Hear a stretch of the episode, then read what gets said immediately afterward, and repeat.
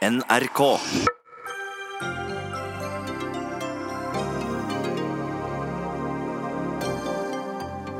Irans utenriksminister på statsbesøk advarte Norge mot å sende styrker til Persiabukta. Regjeringen vil skrote nærskoleprinsippet. Krigserklæring mot lokaldemokratiet, sier Sosialistisk Ungdom. Nedgang i folketallet i Nord-Norge. Sjeføkonom vil gi hundretusener til familier som flytter dit. Ikke kast penger etter folk, svarer Frp. Mens verdens største e-sportarrangement foregår i Shanghai, med over 300 millioner i potten.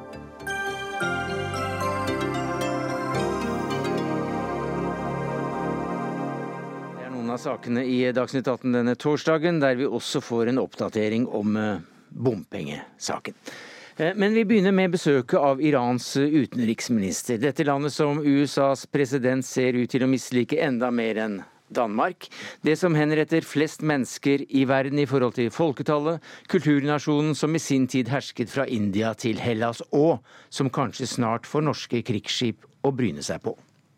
The U.S. is the cause of instability in the Persian Gulf, so any U.S.-led mission in the Persian Gulf will exacerbate instability and in insecurity in the Persian Gulf. It is already crowded enough.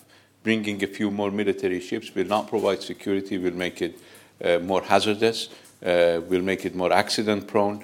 Uh, last time that the U.S. had a large military presence in the Persian Gulf, it shot down an Iranian civil airliner, killing 290 innocent civilians on board. So I hope that countries will think twice before uh, agreeing to this very hostile measure by the United States against Iran.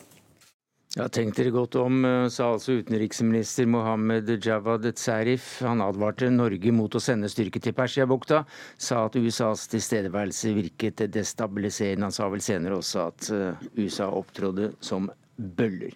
Eh, Vi har med oss eh, korrespondent eh, Sissel Wold, hentet hjem fra Istanbul for å følge disse møtene i Oslo i dag. Og du kjenner Iran godt, og det var ditt spørsmål eh, utenriksministeren svarte på.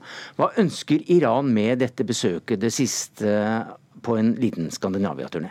Ja, Sarif er vel verdens travleste utenriksminister, fordi han reiser til så mange land han kan for å samle støtte for at atomavtalen ikke skal kollapse helt. Og det han var veldig opptatt av i dag, var å si at hvis land som Norge og andre europeiske land lar seg bølle med av Donald Trumps administrasjon, og eh, forhindres fra å følge en avtale som er lovlig, som han har undertegnet, nemlig å handle med Iran uten at man blir straffet av USA, så blir det kaos. Man kan ikke ha en verden eh, hvor bilaterale avtaler og internasjonale avtaler eh, ikke respekteres, og at man straffer de som prøver å følge det. Eh, det var det ene. Og det andre var at eh, hvis, eh, hvis USA og andre sender disse skipene til Gulfen for å passe på trafikken der, så blir det enda verre, fordi at da er det lettere og en større sjanse for at noen kanskje gjør en feil. Det er en misforståelse som gjør at situasjonen eskalerer. Han sier at, US, at Iran selv kan eh, passe på denne viktige trafikken i Hormuzstredet, der hvor en femtedel av verdens råolje går, og at hvis ikke Iran er trygt, så blir heller ikke dette stredet trygt. Han mente at det er i alle fall ikke tryggere å sende ned skip som under ledelse av USA skal eh, passe på dette området. Han er altså da på statsbesøk. Hvem har han møtt? Han har møtt statsminister Erna Solberg og utenriksminister Ine Eriksen Søreide. Og så har han møtt handelsminister Torbjørn Røe Isaksen. Og ikke, det, ikke minst er det viktig, fordi at Iran er jo helt avhengig av å ha handel med land i Europa for at denne Iran-avtalen ikke skal kollapse. De er helt avhengig av å få selge olje og få selge produktene sine til land som ikke blir skremt bort fra USA. Takk skal du ha, korrespondent med Istanbul som base, Sissel Wold. Ja, En som møtte Zarif i dag, det var altså deg, Michael Tetzschner. Du er første nestleder av Stortingets forsvars- og utenrikskomité fra partiet Høyre. Hva var det som var interessant for dere å høre? Ja, det var jo litt forutsigelig, for vi kjenner jo Irans posisjoner. Samtidig er det alltid interessant å observere det som da er deres topp Uh, offisielle talsmenn. Jeg vil ikke kalle dem politikere, for de er jo ikke valgt nedenfra. Sarif selv er en meget veltalende og også tiltalende mann. Men jeg merket jo, og vi merket jo at tonen ble annerledes når vi tok opp disse sakene, enten det gjaldt menneskerettigheter. Og vi måtte selvfølgelig også berøre der hvor norske interesser har vært truet. Eh, nemlig denne ulovlige oppringningen av, av, flere internasjonale sivile fartøyer, hvor også Norge har vært uh, rammet. Ja, Hva sa han om det? Han uh, sa noe som var overraskende ærlig, og det var at dette var en gjensidighet for at iranske båter var, ble stoppet i Gibraltar. Ehm, og Grunnen til at de var det, var at eh, man mente at de hadde olje og at de var på vei til Syria, og således brøt sanksjoner der. Og Jeg tok da også opp eh, forholdene når det gjaldt den svenskeide båten, eh, Stena, Stena Empero. Og Han kunne da si at det kom som en overraskelse på dem at det, den var svenskeid, for den førte altså engelsk flagg. Um, og så er jo dette slik at han, han, sier at den rettshåndhevelsen den har, det er en refleks av at de føler at de blir urettferdig behandlet eh, andre steder. Og Da måtte vi fortelle at vi er ikke en del av den konflikten, og at vi eh, vil ha havretten. Den skal kunne gjelde der også, og det gjør den jo. Men han, eh, på pressekonferansen her, så, som vi ikke hørte akkurat i dette utsnittet vi valgte, så sa han også, eller påberopte seg, eh, gjeldende havrett og internasjonal rett og, og, hvordan man skal håndtere saker rent diplomatisk. Eh, hva sa han om det i møte med dere? I, ja, det var vel åtte øyne, da? Dere var vel tre stykker fra utenrikskomiteen? Ja, men han hadde også med seg et følge, så det var mange øyne. Eh, så, så møtet var jo godt besøkt, for å si det sånn.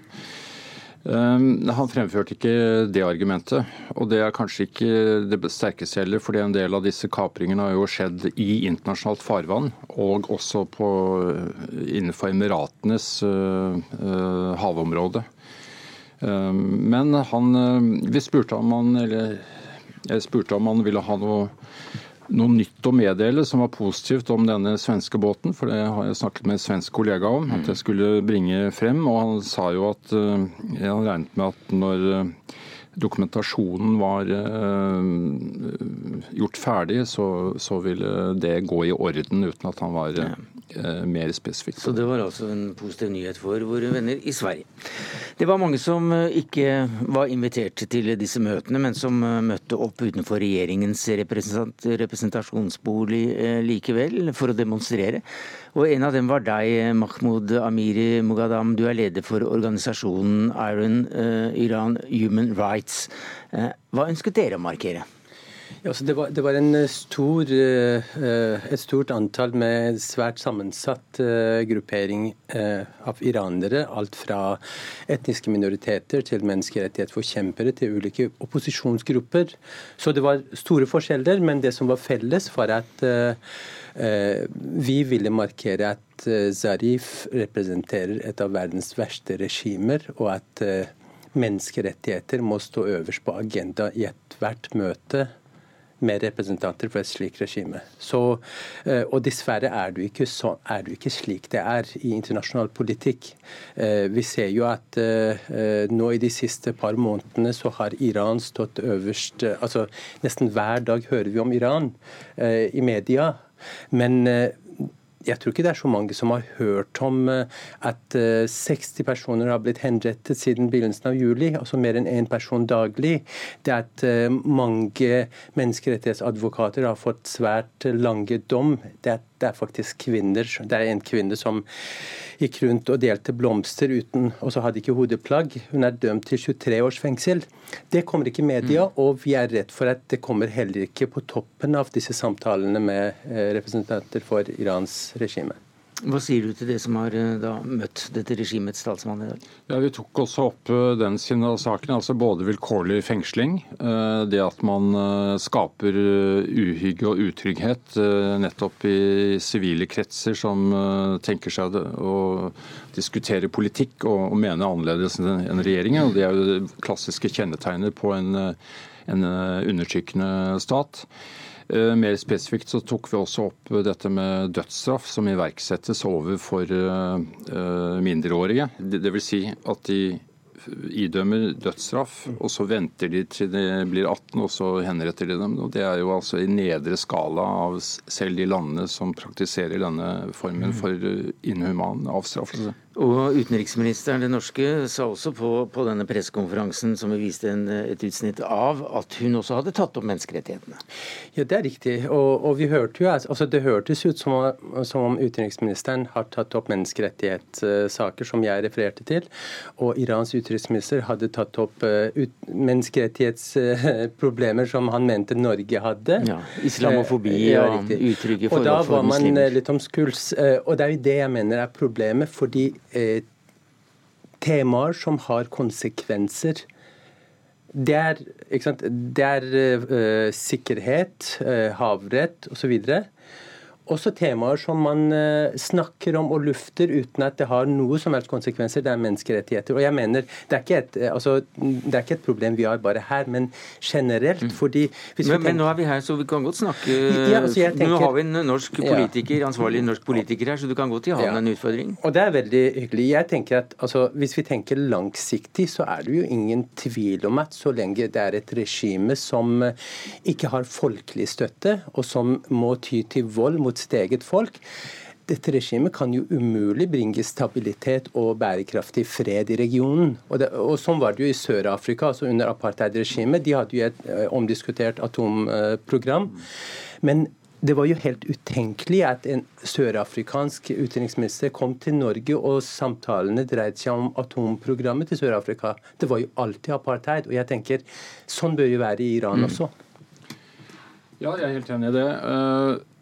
Og, og, og, av og til så skjer det også forandringer. Det er, det er ikke helt uten dynamikk eh, som vi vel har vært inne på en gang eh, før også. og Det man skal være klar over som gjør eh, dette komplisert å følge, det er at de i tillegg til de vanlige representantene for regjeringen som vi er vant til å møte internasjonalt i FN og bilateralt, så har de også da noe som heter Revolusjonsgarden, som har sine egne aksjer i styret. Og så over seg så har de et prestestyre, altså Vokterrådet.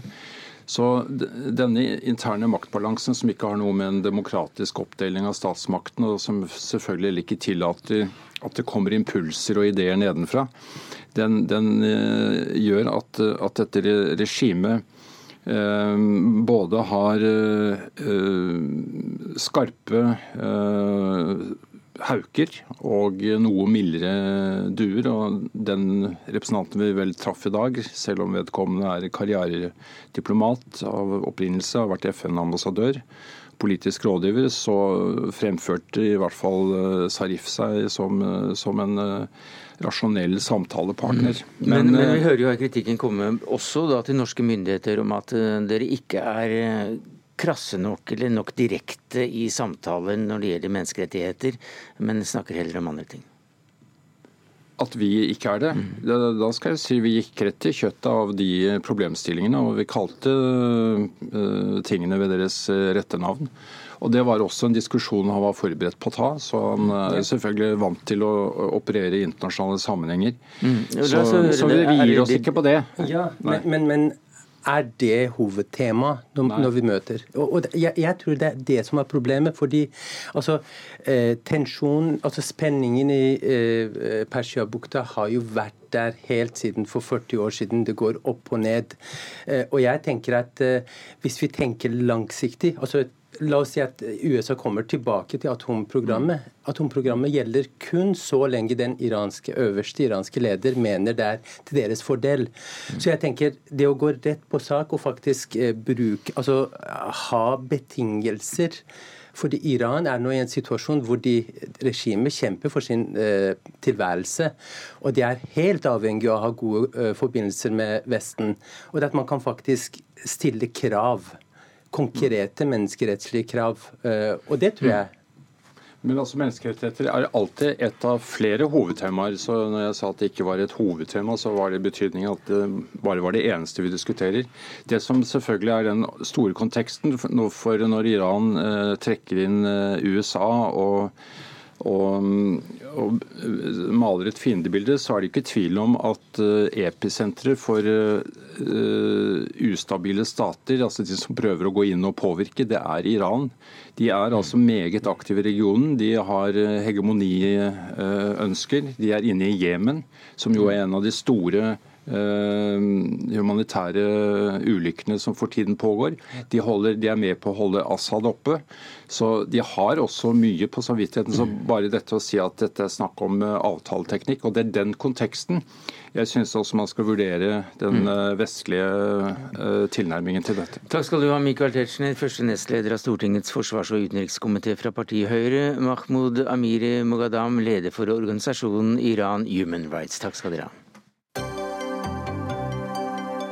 Dagsnytt 18 alle hverdager klokka 18.00 på NRK P2 og NRK2.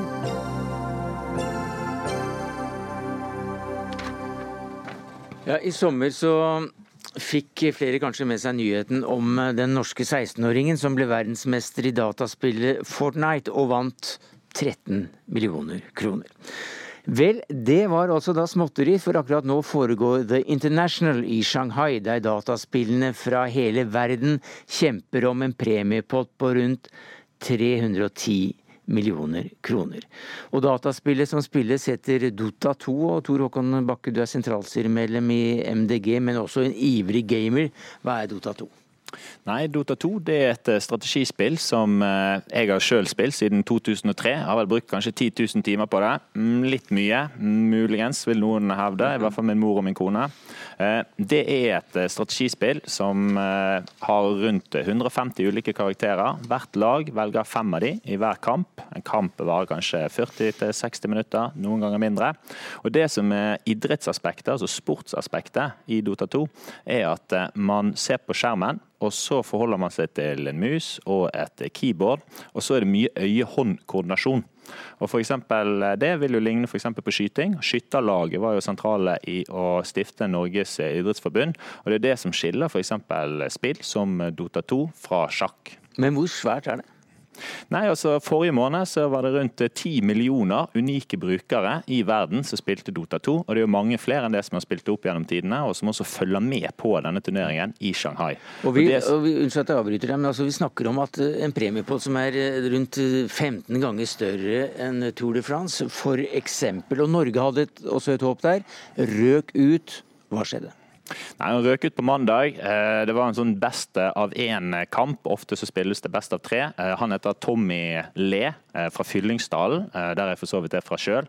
Det at Tommy Le har slått gjennom internasjonalt gjennom et svensk lag som heter Alliance, er utrolig stort. fordi at Dota 2 er et relativt lite spill i Norge. Så at han har tatt steget fra videregående, hvor han gikk på e-sportlinje ute i Arna, over til dette svenske laget og slått, slått gjennom, det er helt enormt, altså. Men gikk på en smell, hva skjedde? Nei, det som skjedde var at eh, det ble begått noen eh, små feil, eller noen relativt store feil, eh, seint i, i, gamet, da, eller i løpet av den, den, omgangen, som gjorde at de røk ut. Og Det er litt sånn triste greier, så vi snakker ikke mer om det, men vi må. Overhodet ikke. Men vi har ikke invitert deg bare for å hylle e-sporten. Du er også kritisk til regjeringens e-sportpolitikk, og hva er problemet? Nei, altså Problemet med e-sportpolitikken til regjeringen er at det er litt for mye prat og litt for lite handling. Eh, nå på forsommeren så hadde jeg en liten disputt gående i et av disse nettstedene som dekker eh, nettopp e-sport, som heter pressfire.no, Grunde Almeland fra Venstre, eh, hvor vi utfordret eh, Venstre bl.a., som har kulturministeren og derfor er ansvarlig for området. Eh, og De svarene vi fikk tilbake igjen da, fra Grunde Almeland, var bl.a. Eh, at det aller meste som vi tok opp, er ting de har pratet om at problemstillinger som vi har tatt opp, er drøftet, og at det kommer til å bli drøftet i den kommende dataspillstrategien. Og Vi husker alle at det kom en kulturmelding, og vi i Miljøpartiet De Grønne og vi som er opptatt av e-sport, hadde jo håpet at det skulle komme mer der. Men hva er det viktigste som må på plass nå? Det er mange ting Kort. som er viktige og som må på plass. Blant annet eh, så hva skjer innenfor antidopingarbeidet f.eks. innenfor e-sporten. Eh, hva skjer hvis det blir begått regelbrudd? ikke sant? Altså Hvordan er overganger og kontrakter, og hvordan gjør det trygt og godt å være e-sportutøver. F.eks. For, som Tommy Taigalé fra Fyllingsdal, som da er i The International. Han presterer og spiller egentlig på nåden til et privat amerikansk selskap som styrer og hvordan det spillet der fungerer. Grunde Almeland, stortingsrepresentant for Venstre også e-sportentusiast, men du spiller ikke Dota 2, men Hurt Heartstone. Heartstone, ja. det er helt riktig. Ja. Mm. Hva er det du sier til kritikken her? Altså, Regjeringen sitter på gjerdet og, og, gjør ikke nok for å få dette inn i ordnede former, når det er så svære penger og unge mennesker? Nei, jeg tenker at uh, Det første vi må ha klart for oss, er at for to år siden så var det ingen norsk politiker som snakket om gaming og e-sport. I hvert fall seriøst. Og på de eh, nå ett og et halvt årene som Venstre har sittet i regjering, så har vi faktisk satt e-sport på agendaen. Og hvis du, eh, hvis du, ser konkret på hva vi har gjort, så var jo noe av det første som kulturministeren Trine Skei Grande gjorde, var jo nettopp å løse opp i en viktig utfordring for den norske profesjonelle ligaen, Telia-ligaen. Man sa, ga klarsignal noe Telialigaen hadde ventet på. Et klarsignal for et strategisk samarbeid med Norsk Tipping. Nettopp så man kunne eh, være med å profesjonalisere mm. ligaen og være med å vokse det norske e-sportmiljøet. Et konkret eksempel. Ja, det er jo bare å applaudere akkurat det tiltaket. Og sånn eh, vil jeg jo egentlig påpeke at jeg tror jo det er meg og Grunde og et par andre er nok på en måte blant de få politikerne i Norge for all del som er opptatt av dette her. Og det er veldig viktig at det flere også blir det. Eh, vi har jo f.eks. vår vara på Stortinget, Kristoffer Robin Haug, har jo også stilt spørsmål til kulturministeren de senere årene om e-sport. Jo, Men så var det utfordringer som regjeringen ikke har gjort noe med. Ja, nei, altså Vi mener jo at som sagt, at tempoet må opp på flere ting. også. Én ting er Telia-ligaen eh, med 4000 spillere eller der omkring, og det er veldig bra at man har fått litt fremskritt på det. Eh, men organisasjonsformen, voldgift, altså skal dette her være definert som idrett? Eh, hvordan løser man f.eks. kontrakter? og Mange sånne nivåer på dette greiene her som det må gjøres mer med, og vi ønsker å øke tempoet på det. Og Der tror jeg at Venstre for all del er våre beste partnere i å få det til. Ja, Det er i hvert fall ikke så veldig mange andre som prater om det, f.eks. på Stortinget. Uh, nå blir det lansert en spillstrategi om kort tid fra regjeringen, der man har sagt at e-sport eh, skal være en helt sentral del av den dataspillstrategien. Eh, en konkret problemstilling som også eh, kulturministeren har sagt at skal tas opp i den, er f.eks. reglene knyttet til, til, visum for profesjonelle utøvere. Hvordan man skal forenkle og sørge for at man kan skape gode e-sportmiljø her i Norge. Men så er det ett poeng som, som jeg syns er veldig viktig å ta med oss når vi snakker om organisering organisering av idrett, organisering av aktivitet generelt, så er jo det at vi har en norsk tradisjon nettopp for at idretten skal bygges nedenfra og organisere seg selv. Og jeg tror her er litt av den konflikten som også kom fram i den disputten som jeg hadde med MDG også, også eh, på disse nettsidene. Nettopp at jeg mener veldig bestemt at det ikke er Kulturdepartementet som skal bestemme hvilken type organisasjonsform eh, denne idretten skal ha, men det må bygges Og så er det en viktig politisk oppgave å Det må bygges nedenfra. Det nytter ikke at eh, Skei Grande kommer og så ordner opp. Nei, Det må bygges nedenfra, eh, for all del. ikke sant? Men det som er problemet med e-sport, er at eh, man har mange ulike spill. Og spill har jo ulik hylletid. ikke sant? Altså Fotball er jo en idrett som har eksistert i over 100 år, eh, og spill er relativt likt. Men innenfor e-sport så vil de ulike spill ha ulik varighet. Og Det setter jo større krav til at det offentlige må håndtere flere utfordringer raskere, omstilles også raskere. Så hva skjer f.eks. hvis noen jukser i et spill, ikke sant? hvor det er store pengebeløp som står på spill? Hva skjer hvis det f.eks. er dop doping fra en e-sportutøver og den typen ting. Og akkurat nå så faller e-sportutøvere mellom flere stoler. Og Det er bl.a. på det området der at vi ønsker at regjeringen skal opptre raskere. Men Det er interessant, fordi eh, dette med e-sport, altså utviklingen innad i e-sporten, det, det, skjer så raskt at man kan ikke sitte og vente på utredninger og utredninger og stortingsmeldinger og Nei. så gjøre vedtak, for at da er akkurat den problemstillingen ute. Nei, og det skal man jo heller ikke gjøre. Det er jo derfor man skal legge til grunn at man bygger opp et miljø som i stor grad klarer å håndtere de utfordringene utfordringene selv, sånn som tradisjonen i veldig stor grad også er med norsk idrett ellers. Eh, og Det som vi konkret gjør i Venstre, er jo at eh, rundt omkring i kommunene så bygger vi opp tilbud nettopp for eh, å kunne ta den interessen folk har for e-sport på alvor, og bygge opp trygge, gode miljø nettopp så der eh, foreldre og utøvere kan være trygge på at eh, når du sender den 14 år gamle sønnen din ut i en, en eh, ganske stor verden som tross alt internett er, så kan det mm. også være trygge voksenpersoner og flinke andre utøvere som du kan lære av. Og du vet også hvordan du skal håndtere nettopp store pengebeløp, turneringer, mm. eh, eventuelle kontraktsigneringer. Et konkret eksempel på det er jo eh, vår ordførerkandidat i Lier, Tove Hofstad, som eh, har vært med å bygge opp eh, et e-sporttilbud for Lier IL og vært med å trykke på for det. Nettopp sånn at idrettslaget der har tatt ansvar for mye e-sport-engasjert ungdom. Og jeg tror det er sånn vi må bygge opp nedenfor, bygge bredden. Og det er der vi eh, som politikere har et ansvar. Men så er det da også eh, pressens rolle oppi dette her, som en eh, slags uh, vaktbikkje, Tor Håkon Bakke. Uh, hva sier du til, til pressen? Er, er, det fullt av norske pressefolk f.eks. I, i Shanghai for å følge med hvem som vinner 320 millioner kroner? Nei, det er vel så godt som ingen. Det er vel flere journalister i norske sportsredaksjoner som har fått eh, noen litt sånn hissige e-poster fra meg i løpet av eh, sommeren, for hvis jeg skal være helt ærlig. Men det er vel egentlig kun en som heter Mathias Hynne i gamer.no, som har samarbeid med VG, som har skrevet skikkelig om eh, Tommy Tiger Lee og det som skjer i Shanghai denne sommeren her. Og det er jo egentlig dypt tragisk, ikke sant. At lilletåen til en fotballspiller på Brann, har for all del, jeg har gått på Brann siden 1998, kjempespennende det. Men det at f.eks. Bergenstidene, en stor avis med mange sportsjournalister, ikke klarer å dekke noe av det største som har skjedd innenfor idrett fra Bergen. En ung internasjonal stjerne. At de ikke klarer å skrive om det, det er jo dypt tragisk. Bergenstiden er her ikke, men den saken kan vi kanskje ta en annen gang. Takk skal du ha, Tore Håkon Bakke, sentralstyremedlem i MDG, og Grunde Almeland, stortingsrepresentant for Venstre.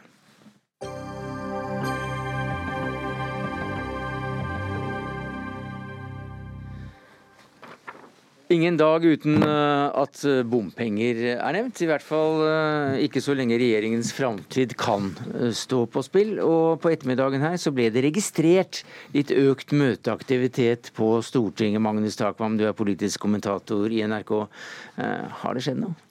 Nei, Det er en litt nervøs stemning både blant politikere og oss i mediene. Så går det et rykte om at nå er det innkalt til et gruppemøte i Venstre, så går, alarmen. Men det, det viser seg da uh, å ikke være riktig. Uh, så det preger litt Det sier litt om, om stemningen, der alle venter på uh, en avklaring, selvfølgelig. Astrid Mæland, politisk kommentator i VG. Er det i dette noen vi vet møttes i dag av viktige aktører? Ja, det er mye viktige aktører som møttes i dag, men Erna Solberg var jo opptatt med Irans utenriksminister, og hun var opptatt med Equinors havvindsatsing, så jeg vet ikke om hun har hatt tid til å en gang eh, tatt en telefon til Siv Jensen. Men eh, det store spørsmålet er jo om Siv Jensen og Frp er villige til å jenke seg. Nå har vi jo blitt intervjua i Dagbladet i ettermiddag og sagt at de absolutt ikke er villige til å jenke seg i en tomme, og de er ikke noe interessert i å møtes.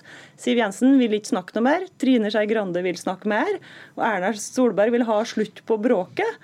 Og ja, Det er vel ikke noe særlig borgerlig lenger i den regjeringa når de driver og river ut øynene på hverandre i full offentlighet. Men i går uh, så møttes de visstnok, men ikke alle. Nei, det var det. Siv Jensen var jo ute i skogen. Hun la ut et bilde på Instagram at hun var ute i marka, tror jeg, med, med, med en tanteunge. Og Det var jo helt klart et eh, tegn. Hun var ikke interessert i å være med på noe møte. Eh, så er jo spørsmålet da om, eh, om velgerne til Frp liker det her. Om det ser jo litt ut som de står på for velgerne sine, det skal jo sies. Så, så, de tre andre partiene de skal altså da ha vært samlet, men Frp møtte ikke opp for lederen vår i, i skogen? Hun er ferdig snakka. Hva sier du til det, Magnus Akvam? Hva slags samarbeidsklima er det i regjeringen akkurat nå? Nei, det er, jo, eh, det er jo ikke noe samarbeidsklima i det hele tatt. Og det som eh, i praksis foregår, slik jeg har forstått det, er jo at de tre partiene eh, vi snakker om, bortsett fra da Frp, prøver å jobbe med en ny revidert skisse, med, med selvfølgelig tanke på at også Frp kan godta den. Eh, så det spennende er om, om, om de klarer det. Eh, eh, for Frp er det viktig også utad, som dere er inne på, å vise at de, de står hardt på sitt. Men jo lenger tiden går, jo, jo, mer maler man seg opp i hvert, hvert sitt hjørne, og, og fallhøyden blir større. For det sier seg selv at skal man bygge bro mellom disse to standpunktene, så må, må, det, må posisjonene justeres. Ja, og Hvor raskt må det justeres? Meran? Nei, Jeg vil jo tro at Erna Solberg er ganske ivrig på å få justert dem kjemperaskt. Hun tok jo privatjet hjem fra Island og avlyst middagen der i, i, går kveld for å komme hjem og ordne opp i i bompengekrisen. Det går jo utover, utover regjeringen, det er ikke tvil om det. Utover Erna Solbergs lederevner. Jeg er ikke like sikker på hvor travelt Venstre og Frp har det. Det går jo utover regjeringa som helhet. Jeg tror velgerne er lei av den kjeklinga. Men, men, både Frp og Venstre er opptatt av ære. De vil jo, vil jo ikke tape ansikt. Ikke noen av dem som vil gi seg. Og Venstre er jo knallhard på at de har tenkt å gi seg på vegne av miljøet, så de skal ha bedre avtale, mens Frp skal ha den avtalen som de har. Ja, er det noen som i det hele tatt tjener på denne saken slik den står nå? Altså Det er vel eh, MDG og bompengepartiet, for å si det slik, mm. som det var, kanskje har vært hele tiden. De som har, har eh, rene og klare standpunkter i saken. Eh, det som er en, verdt å si, observere, er jo at selvfølgelig er eh, Erna Solbergs regjering har sittet da i seks år, men denne konstellasjonen med, med KrF til slutt inn i en flertallskonstellasjon er jo ganske fersk. slik at dette er jo egentlig den første alvorlige testen på, på hvordan de faktisk klarer å håndtere nettopp et samarbeid mellom fire partier som tross alt spriker så mye internt i, i ulike eh, akser. Og så langt ser det jo ikke så veldig bra ut. Nei, Det fikk deg til å skrive i, i VG, Astrid Mæland, eh, en, eh, en betenkning med overskriften 'Stakkars Erna'. Ja, altså.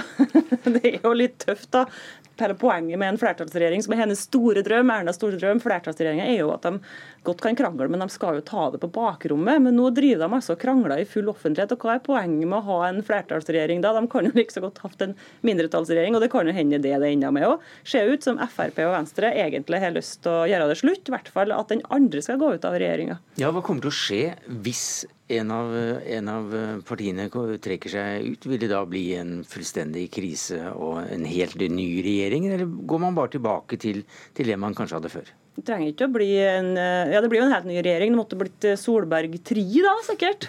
Men det kan jo fortsette. Det kan jo tenkes at en slik regjering vil eh, fortsette. Altså, Hvis Frp går ut, så er jo det parlamentariske grunnlaget da ganske tynt. Da. De må jo søke støtte etter, fra sak til sak. og Hvis Venstre går ut, så er det jo slik. Da. De må, men de, de, kan jo overleve. Når får vi svaret? Kanskje i morgen. Eh, de fleste mener vel at før de avsluttende budsjettforhandlingene onsdag neste uke begynner, så må man ha en avklaring. Men eh, det har vi sagt ganske lenge nå. Takk skal du ha, Magnus Takvam, politisk kommentator i NRK. Og til deg, Astrid Mæland, politisk kommentator i Verdensgang.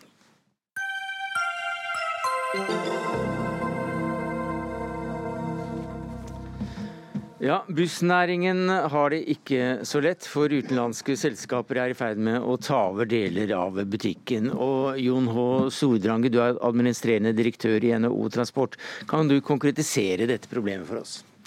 Ja, Det dreier seg om eh, kabotasje. og Kabotasje er jo et sånn sett ganske ukjent begrep for de aller aller fleste. Så jeg kan først starte med å eh, forklare litt hva kabotasje er.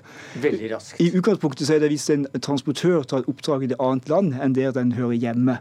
Det ser i Norge er f.eks. at det er ganske mange busselskaper fra tidligere Øst-Europa, spilt eh, Polen og Litauen, som henter passasjerer på Gardermoen som kommer til Norge med fly. Og en asiatiske turister kjører rundt i Norge ei uke tilbake til Gardermoen Gardermoen tar opp nye turister og kjører nye, nye runder til Vestland med, med, med, nye turister. Med både, med både, busser, med både busser og personale? Ja, både busser og personale. Fra, Sjåfører. Fra Polen og Litauen, f.eks. Ja, ja. Hvor stort omfang snakker vi om?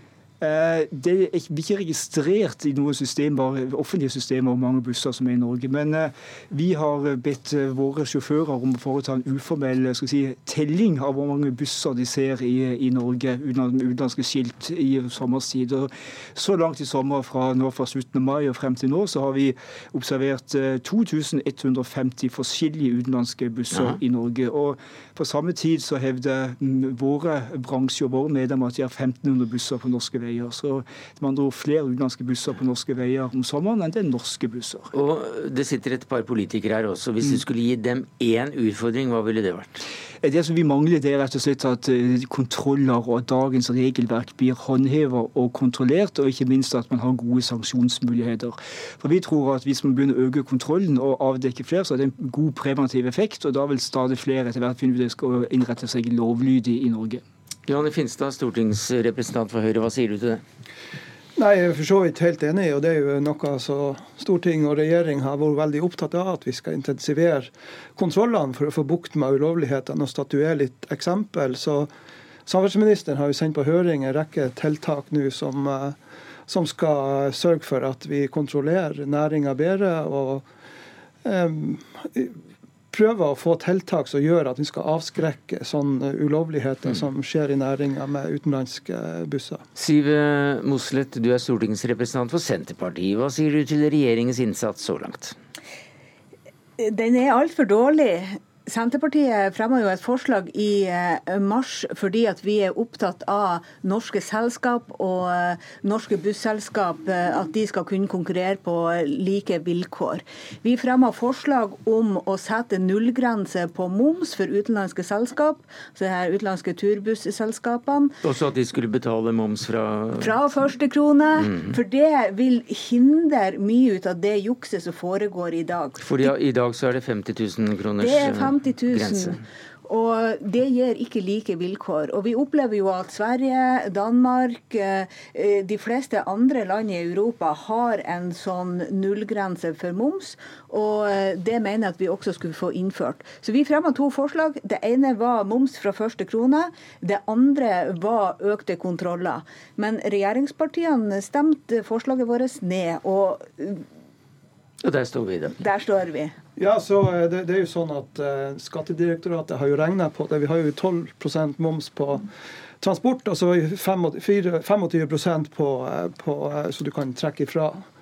Um, sånn at De har regna på det og funnet ut at det uh, lønner seg ikke å innføre en nullmomsgrense når transportselskapene kan trekke fra mer enn det de må betale. Nei, Da er det vel ikke noe vits? det er ikke sånn. For det første så blir eh, Eh, altså, De kjøper jo nesten ikke inn noe som helst i Norge. Eh, kanskje litt drivstoff, men vi får jo en del tilbakemeldinger om at de har med seg drivstoff også, sånn at de får ikke tilbake mye moms. Eh, men når vi begynner å snakke om moms og avgifter, så opplever vi at dette momsspørsmålet blir bare viktigere og viktigere. Regjeringa har økt momsen fra 8% til 10 og 12 eh, Nå er det kommet forslag om å øke det til 25-23-25 mm. Så det betyr jo at eh, konkurransevilkårene blir verre og verre for de norske busselskapene, samtidig som det blir dyrere for folk å, å uh, bruke buss. Ja, for dette blir vel litt teknisk, men jeg ser også at et forslag her det er uh, å å få refundert rabattbillettene eh, som selskapene tilbyr i dag, som ungdoms- og, og honnørbilletter da, da, da. Er, er det riktig? Det er en annen diskusjon, for det går ikke på turbuss, jeg går på ekspressbussene som opererer i Norge. Og eh, Det vi oppfatter som har vært si, dårlig behandling av ekspressbussene, har vært eh, to ting. For det første, de har ikke fått refusjon for sosialrabatter til barn og studenter og, og honnørrabatter og sånn. Men det ville vel hjulpet på har, økonomien til, busser, de, ja, til de norske busselskapene? Det hadde da NSB fått i alle år, og så, så konkurrerer de med tog. og da er det, NSB kompensert, men det har ikke, eller Vy da, eller det er ikke ekspressbusselskapene. Men, men, tilbake til deg og dette med kontroll, som du mente var det viktigste, den viktigste utfordringen som regjeringen kunne gjøre noe med. Exactly hva er det du vil ha? Ja. Altså, vil du ha stopp av alle busser som skal inn og undersøke hjul, og mm. om de har betalt avgifter Nei. i hjemlandet, eller hva er det du vil? Vi vil ha like konkurransevilkår mellom norske og utenlandske turbusser. Det er vårt primære mål.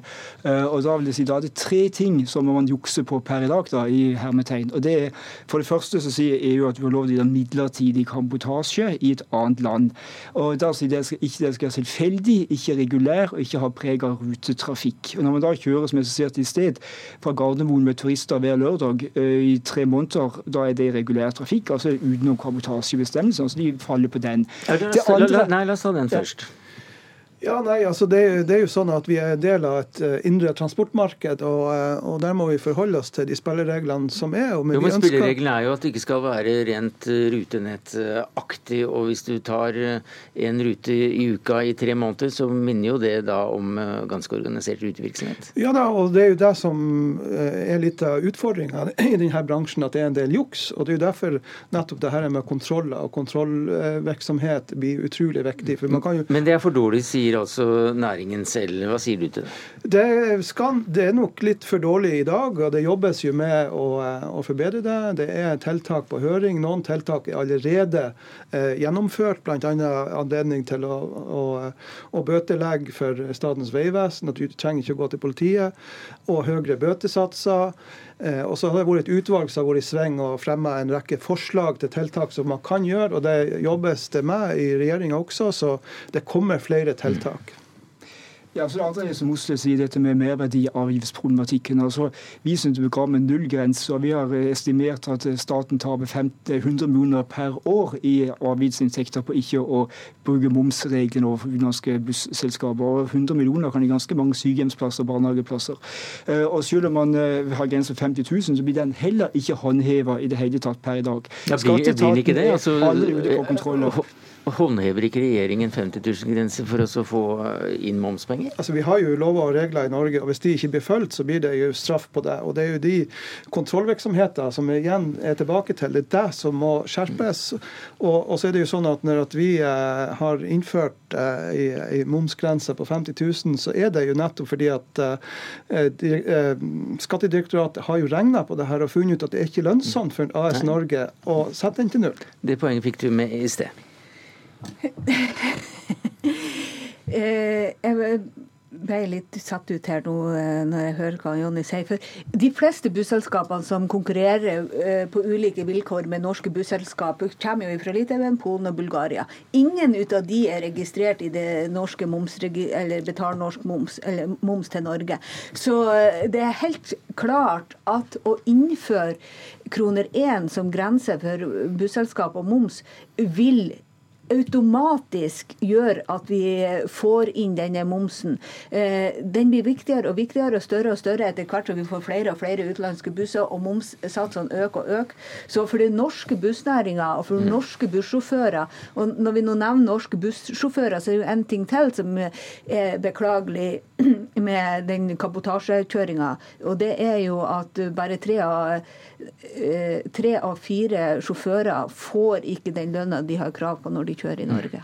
Du får nesten få siste ordet som uh, en, den ene som har to motstandere ja. i studio her. Altså, tre av fire får ikke riktig lønn her. Ja.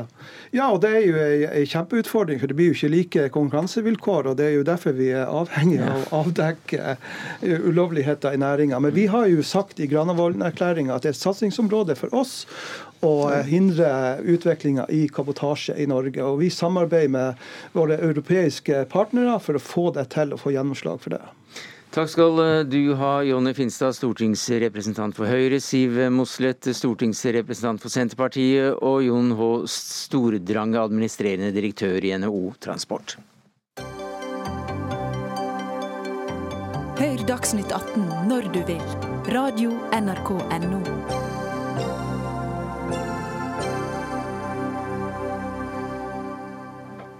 Ja, nå klokka 18.50, altså da om uh, sju minutter og et eller annet, så forlater uh, Dagsnytt 18 TV-kanalen NRK2. Der skal det sendes 47 km klassisk fellesstart på rulleski direkte fra Hitra i Trøndelag. Men Dagsnytt 18 kan du se på nrk.no, eller høre på NRK P2-radioprogrammet. Men eh, alle får med seg denne første saken vi skal snakke om nå, nemlig at regjeringen vil innføre fritt skolevalg i alle fylker, mens elevene nå i utgangspunktet går på den nærmeste skolen. I dag sendte Kunnskapsdepartementet ut et forslag på høring, der de også vil innføre fritt skolevalg for alle fylker. Men det syns ikke du er noe god idé, Balder eh, Alvar Olafsen. Du er ansvarlig for skolepolitikk i Sosialistisk Ungdom, hvorfor ikke det? Nei, for det her handler om om 15-åringene våre skal få beskjeden du er ikke god nok, og må bruke de neste tre årene på å gå på en skole langt unna om å busse flere timer. Det spørs det her går ut på hva slags skole vi egentlig vil ha. Skal vi ha skole der de, man får lov til å gå der man bor, eller skal man rangeres fra én til seks og plasseres deretter? I dag løses dette av eh, fylkene. Og fylkene er forskjellige. Vi vet det. Jeg så på, er listekandidat for Viken SV. Der har vi 1,2 millioner innbyggere. I Møre og Romsdal så er det en sjettedel av det, og har 236 000 innbyggere. Så dette handler om at vi, nå flytter man makt fra de fylkene til regjeringskontorene. Samtidig som de har sammenslått og sagt at nå skal vi få flere oppgaver, så tar de fra oss en av de viktigste oppgavene med videregående skole og sørger for at vi har, har altså Jeg har lyst til å komme med ett spørsmål. Et spørsmål vi må nesten ta det. Er det det som er meningen, Konstanse Løfors? Du er nestleder i Unge Venstre. Ja, nei, Utgangspunktet i Unge Venstres skolepolitikk er mer frihet til eleven. Eh, vi tror eleven vet bedre enn politikere i fylkeskommunen hvilken skole som er best for dem.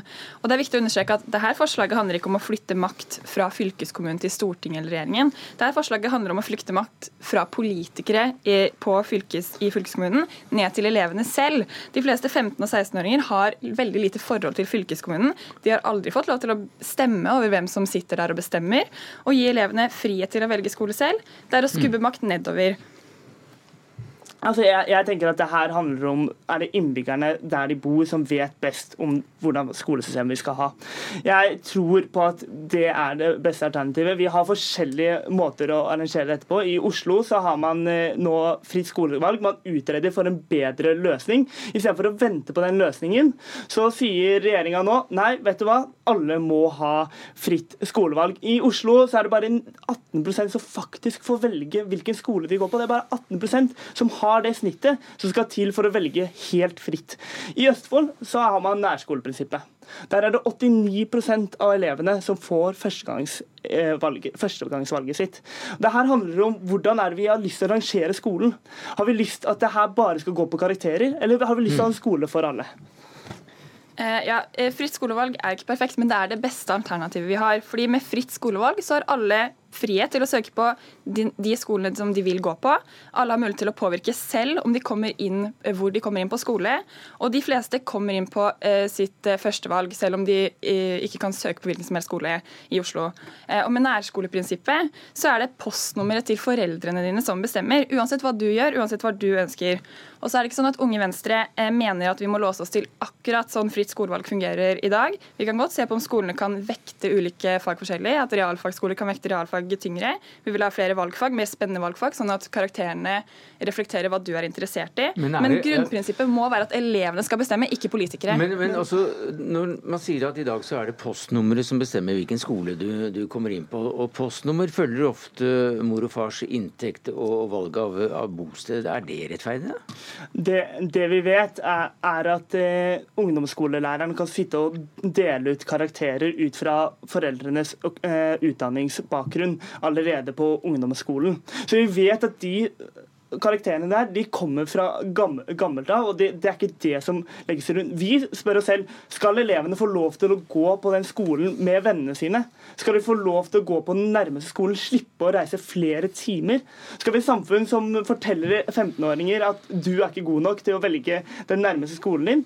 Altså, Vi har jo mye større frihet med det valget vi har. Vi garanterer nærskolen, og så kan du velge akkurat som du vil etter det. Uh, ja, um for det første så ønsker man en, reisetidsgaranti. Ingen elever skal trenge å eh, reise flere timer til skolen. Eh, og Er det en ting som fører til et skille mellom skolene, så er det nettopp eh, nærskoleprinsippet, eller postnummerdiktaturet, som SV står for. Det gjør at det er hvor foreldrene dine har råd til å bo, eller velger å bo, som bestemmer hvor du får lov til å gå på skole. Men Unge Venstre mener at elevene best, vet best selv hvor de skal gå på skole. For Unge Venstre så er det viktigste at elevene får gå på en skole de har lyst til å gå på, ikke at de deler skolevei med naboen. Men du, det legger jo et ekstra press på ungdomsskoleelever, da. Mm. Er det bra? Ja, men eh, det legger også et eh, press på elever om de ikke får lov til å velge hvilken skole de skal eh, gå på. Og som jeg sa, det er ikke perfekt. Eh, jeg er helt enig i det du sier med at vi ikke er gode nok på sosial utjevning i skolen i dag. Derfor gjennomfører eh, regjeringen tidenes lærerløft i norsk skole, sånn at vi skal eh, gjøre at det blir lettere for hver, for hver, enkelt elev, uansett hvilken bakgrunn du har, å få gode karakterer. Ja, for, Men det er likevel mer eneste... urettferdig at det er foreldrene som skal bestemme. Alle ja. har mulighet til å påvirke karakterene, men du kan ikke påvirke foreldrene. Nei, nettopp det. Et øyeblikk. Altså, det er vel et poeng at den eneste, det eneste eleven selv kan gjøre for å, å, å, påvirke hvilken skole han eller hun vil gå på, ja, det er også bli eh, bedre på skolen, slik at man får eh, bedre karakterer og dermed mm. kan velge bedre. Er ikke det ok, da? Jo, altså det, det, er bra, men så må vi huske det vi vet fra forskning. er at Det sier at ut, eh, karakterene følger utdanningsbakgrunnen til foreldrene. Og så sier man at eh, man skal, det er et segregeringsproblem. Altså, Segregeringsproblem er en helt annen utfordring som vi må løse. Som SV i eh, byrådet her i Oslo har prøvd å gjøre mange tiltak for å gjøre noe med. Segregering løses ikke med karakterbasert opptak. Men det, det, eh, det, vi kan gjøre med, eh, med opptakssystemene, er å sørge for at alle får lov til å gå på skolen med vennene sine. Og sørge for at tillit til innbyggerne der de bor, som får lov til å ta avgjørelsen om hvordan vi skal ha opptakssystemet. Mm. Altså, bare når vi sier at at man er usikker på om det, at det ikke er det beste systemet. Hvorfor ikke la Oslo komme med den utredningen som er på vei? da? Hvorfor ikke la den komme, og så ta en beslutning mm. etter den utredningen er ferdig? Ja, jeg har lyst til å svare på dette med at man skal få lov til å gå med vennene sine. Det er ikke alle som har vennene sine på, uh, i nærmiljøet. Det er ikke alle som vil gå med akkurat de samme folkene som de gikk på skole med på ungdomsskolen. Noen vil kanskje gå litt lenger unna, ha en ny start. Uansett så tror jeg at elevene vet best det selv, ikke politikere. Takk skal du ha, Konstanse Løfors, nestleder i Unge Venstre. Takk til deg, Balder Alvær Olafsen, ansvarlig for skolepolitikk i Sosialistisk Ungdom.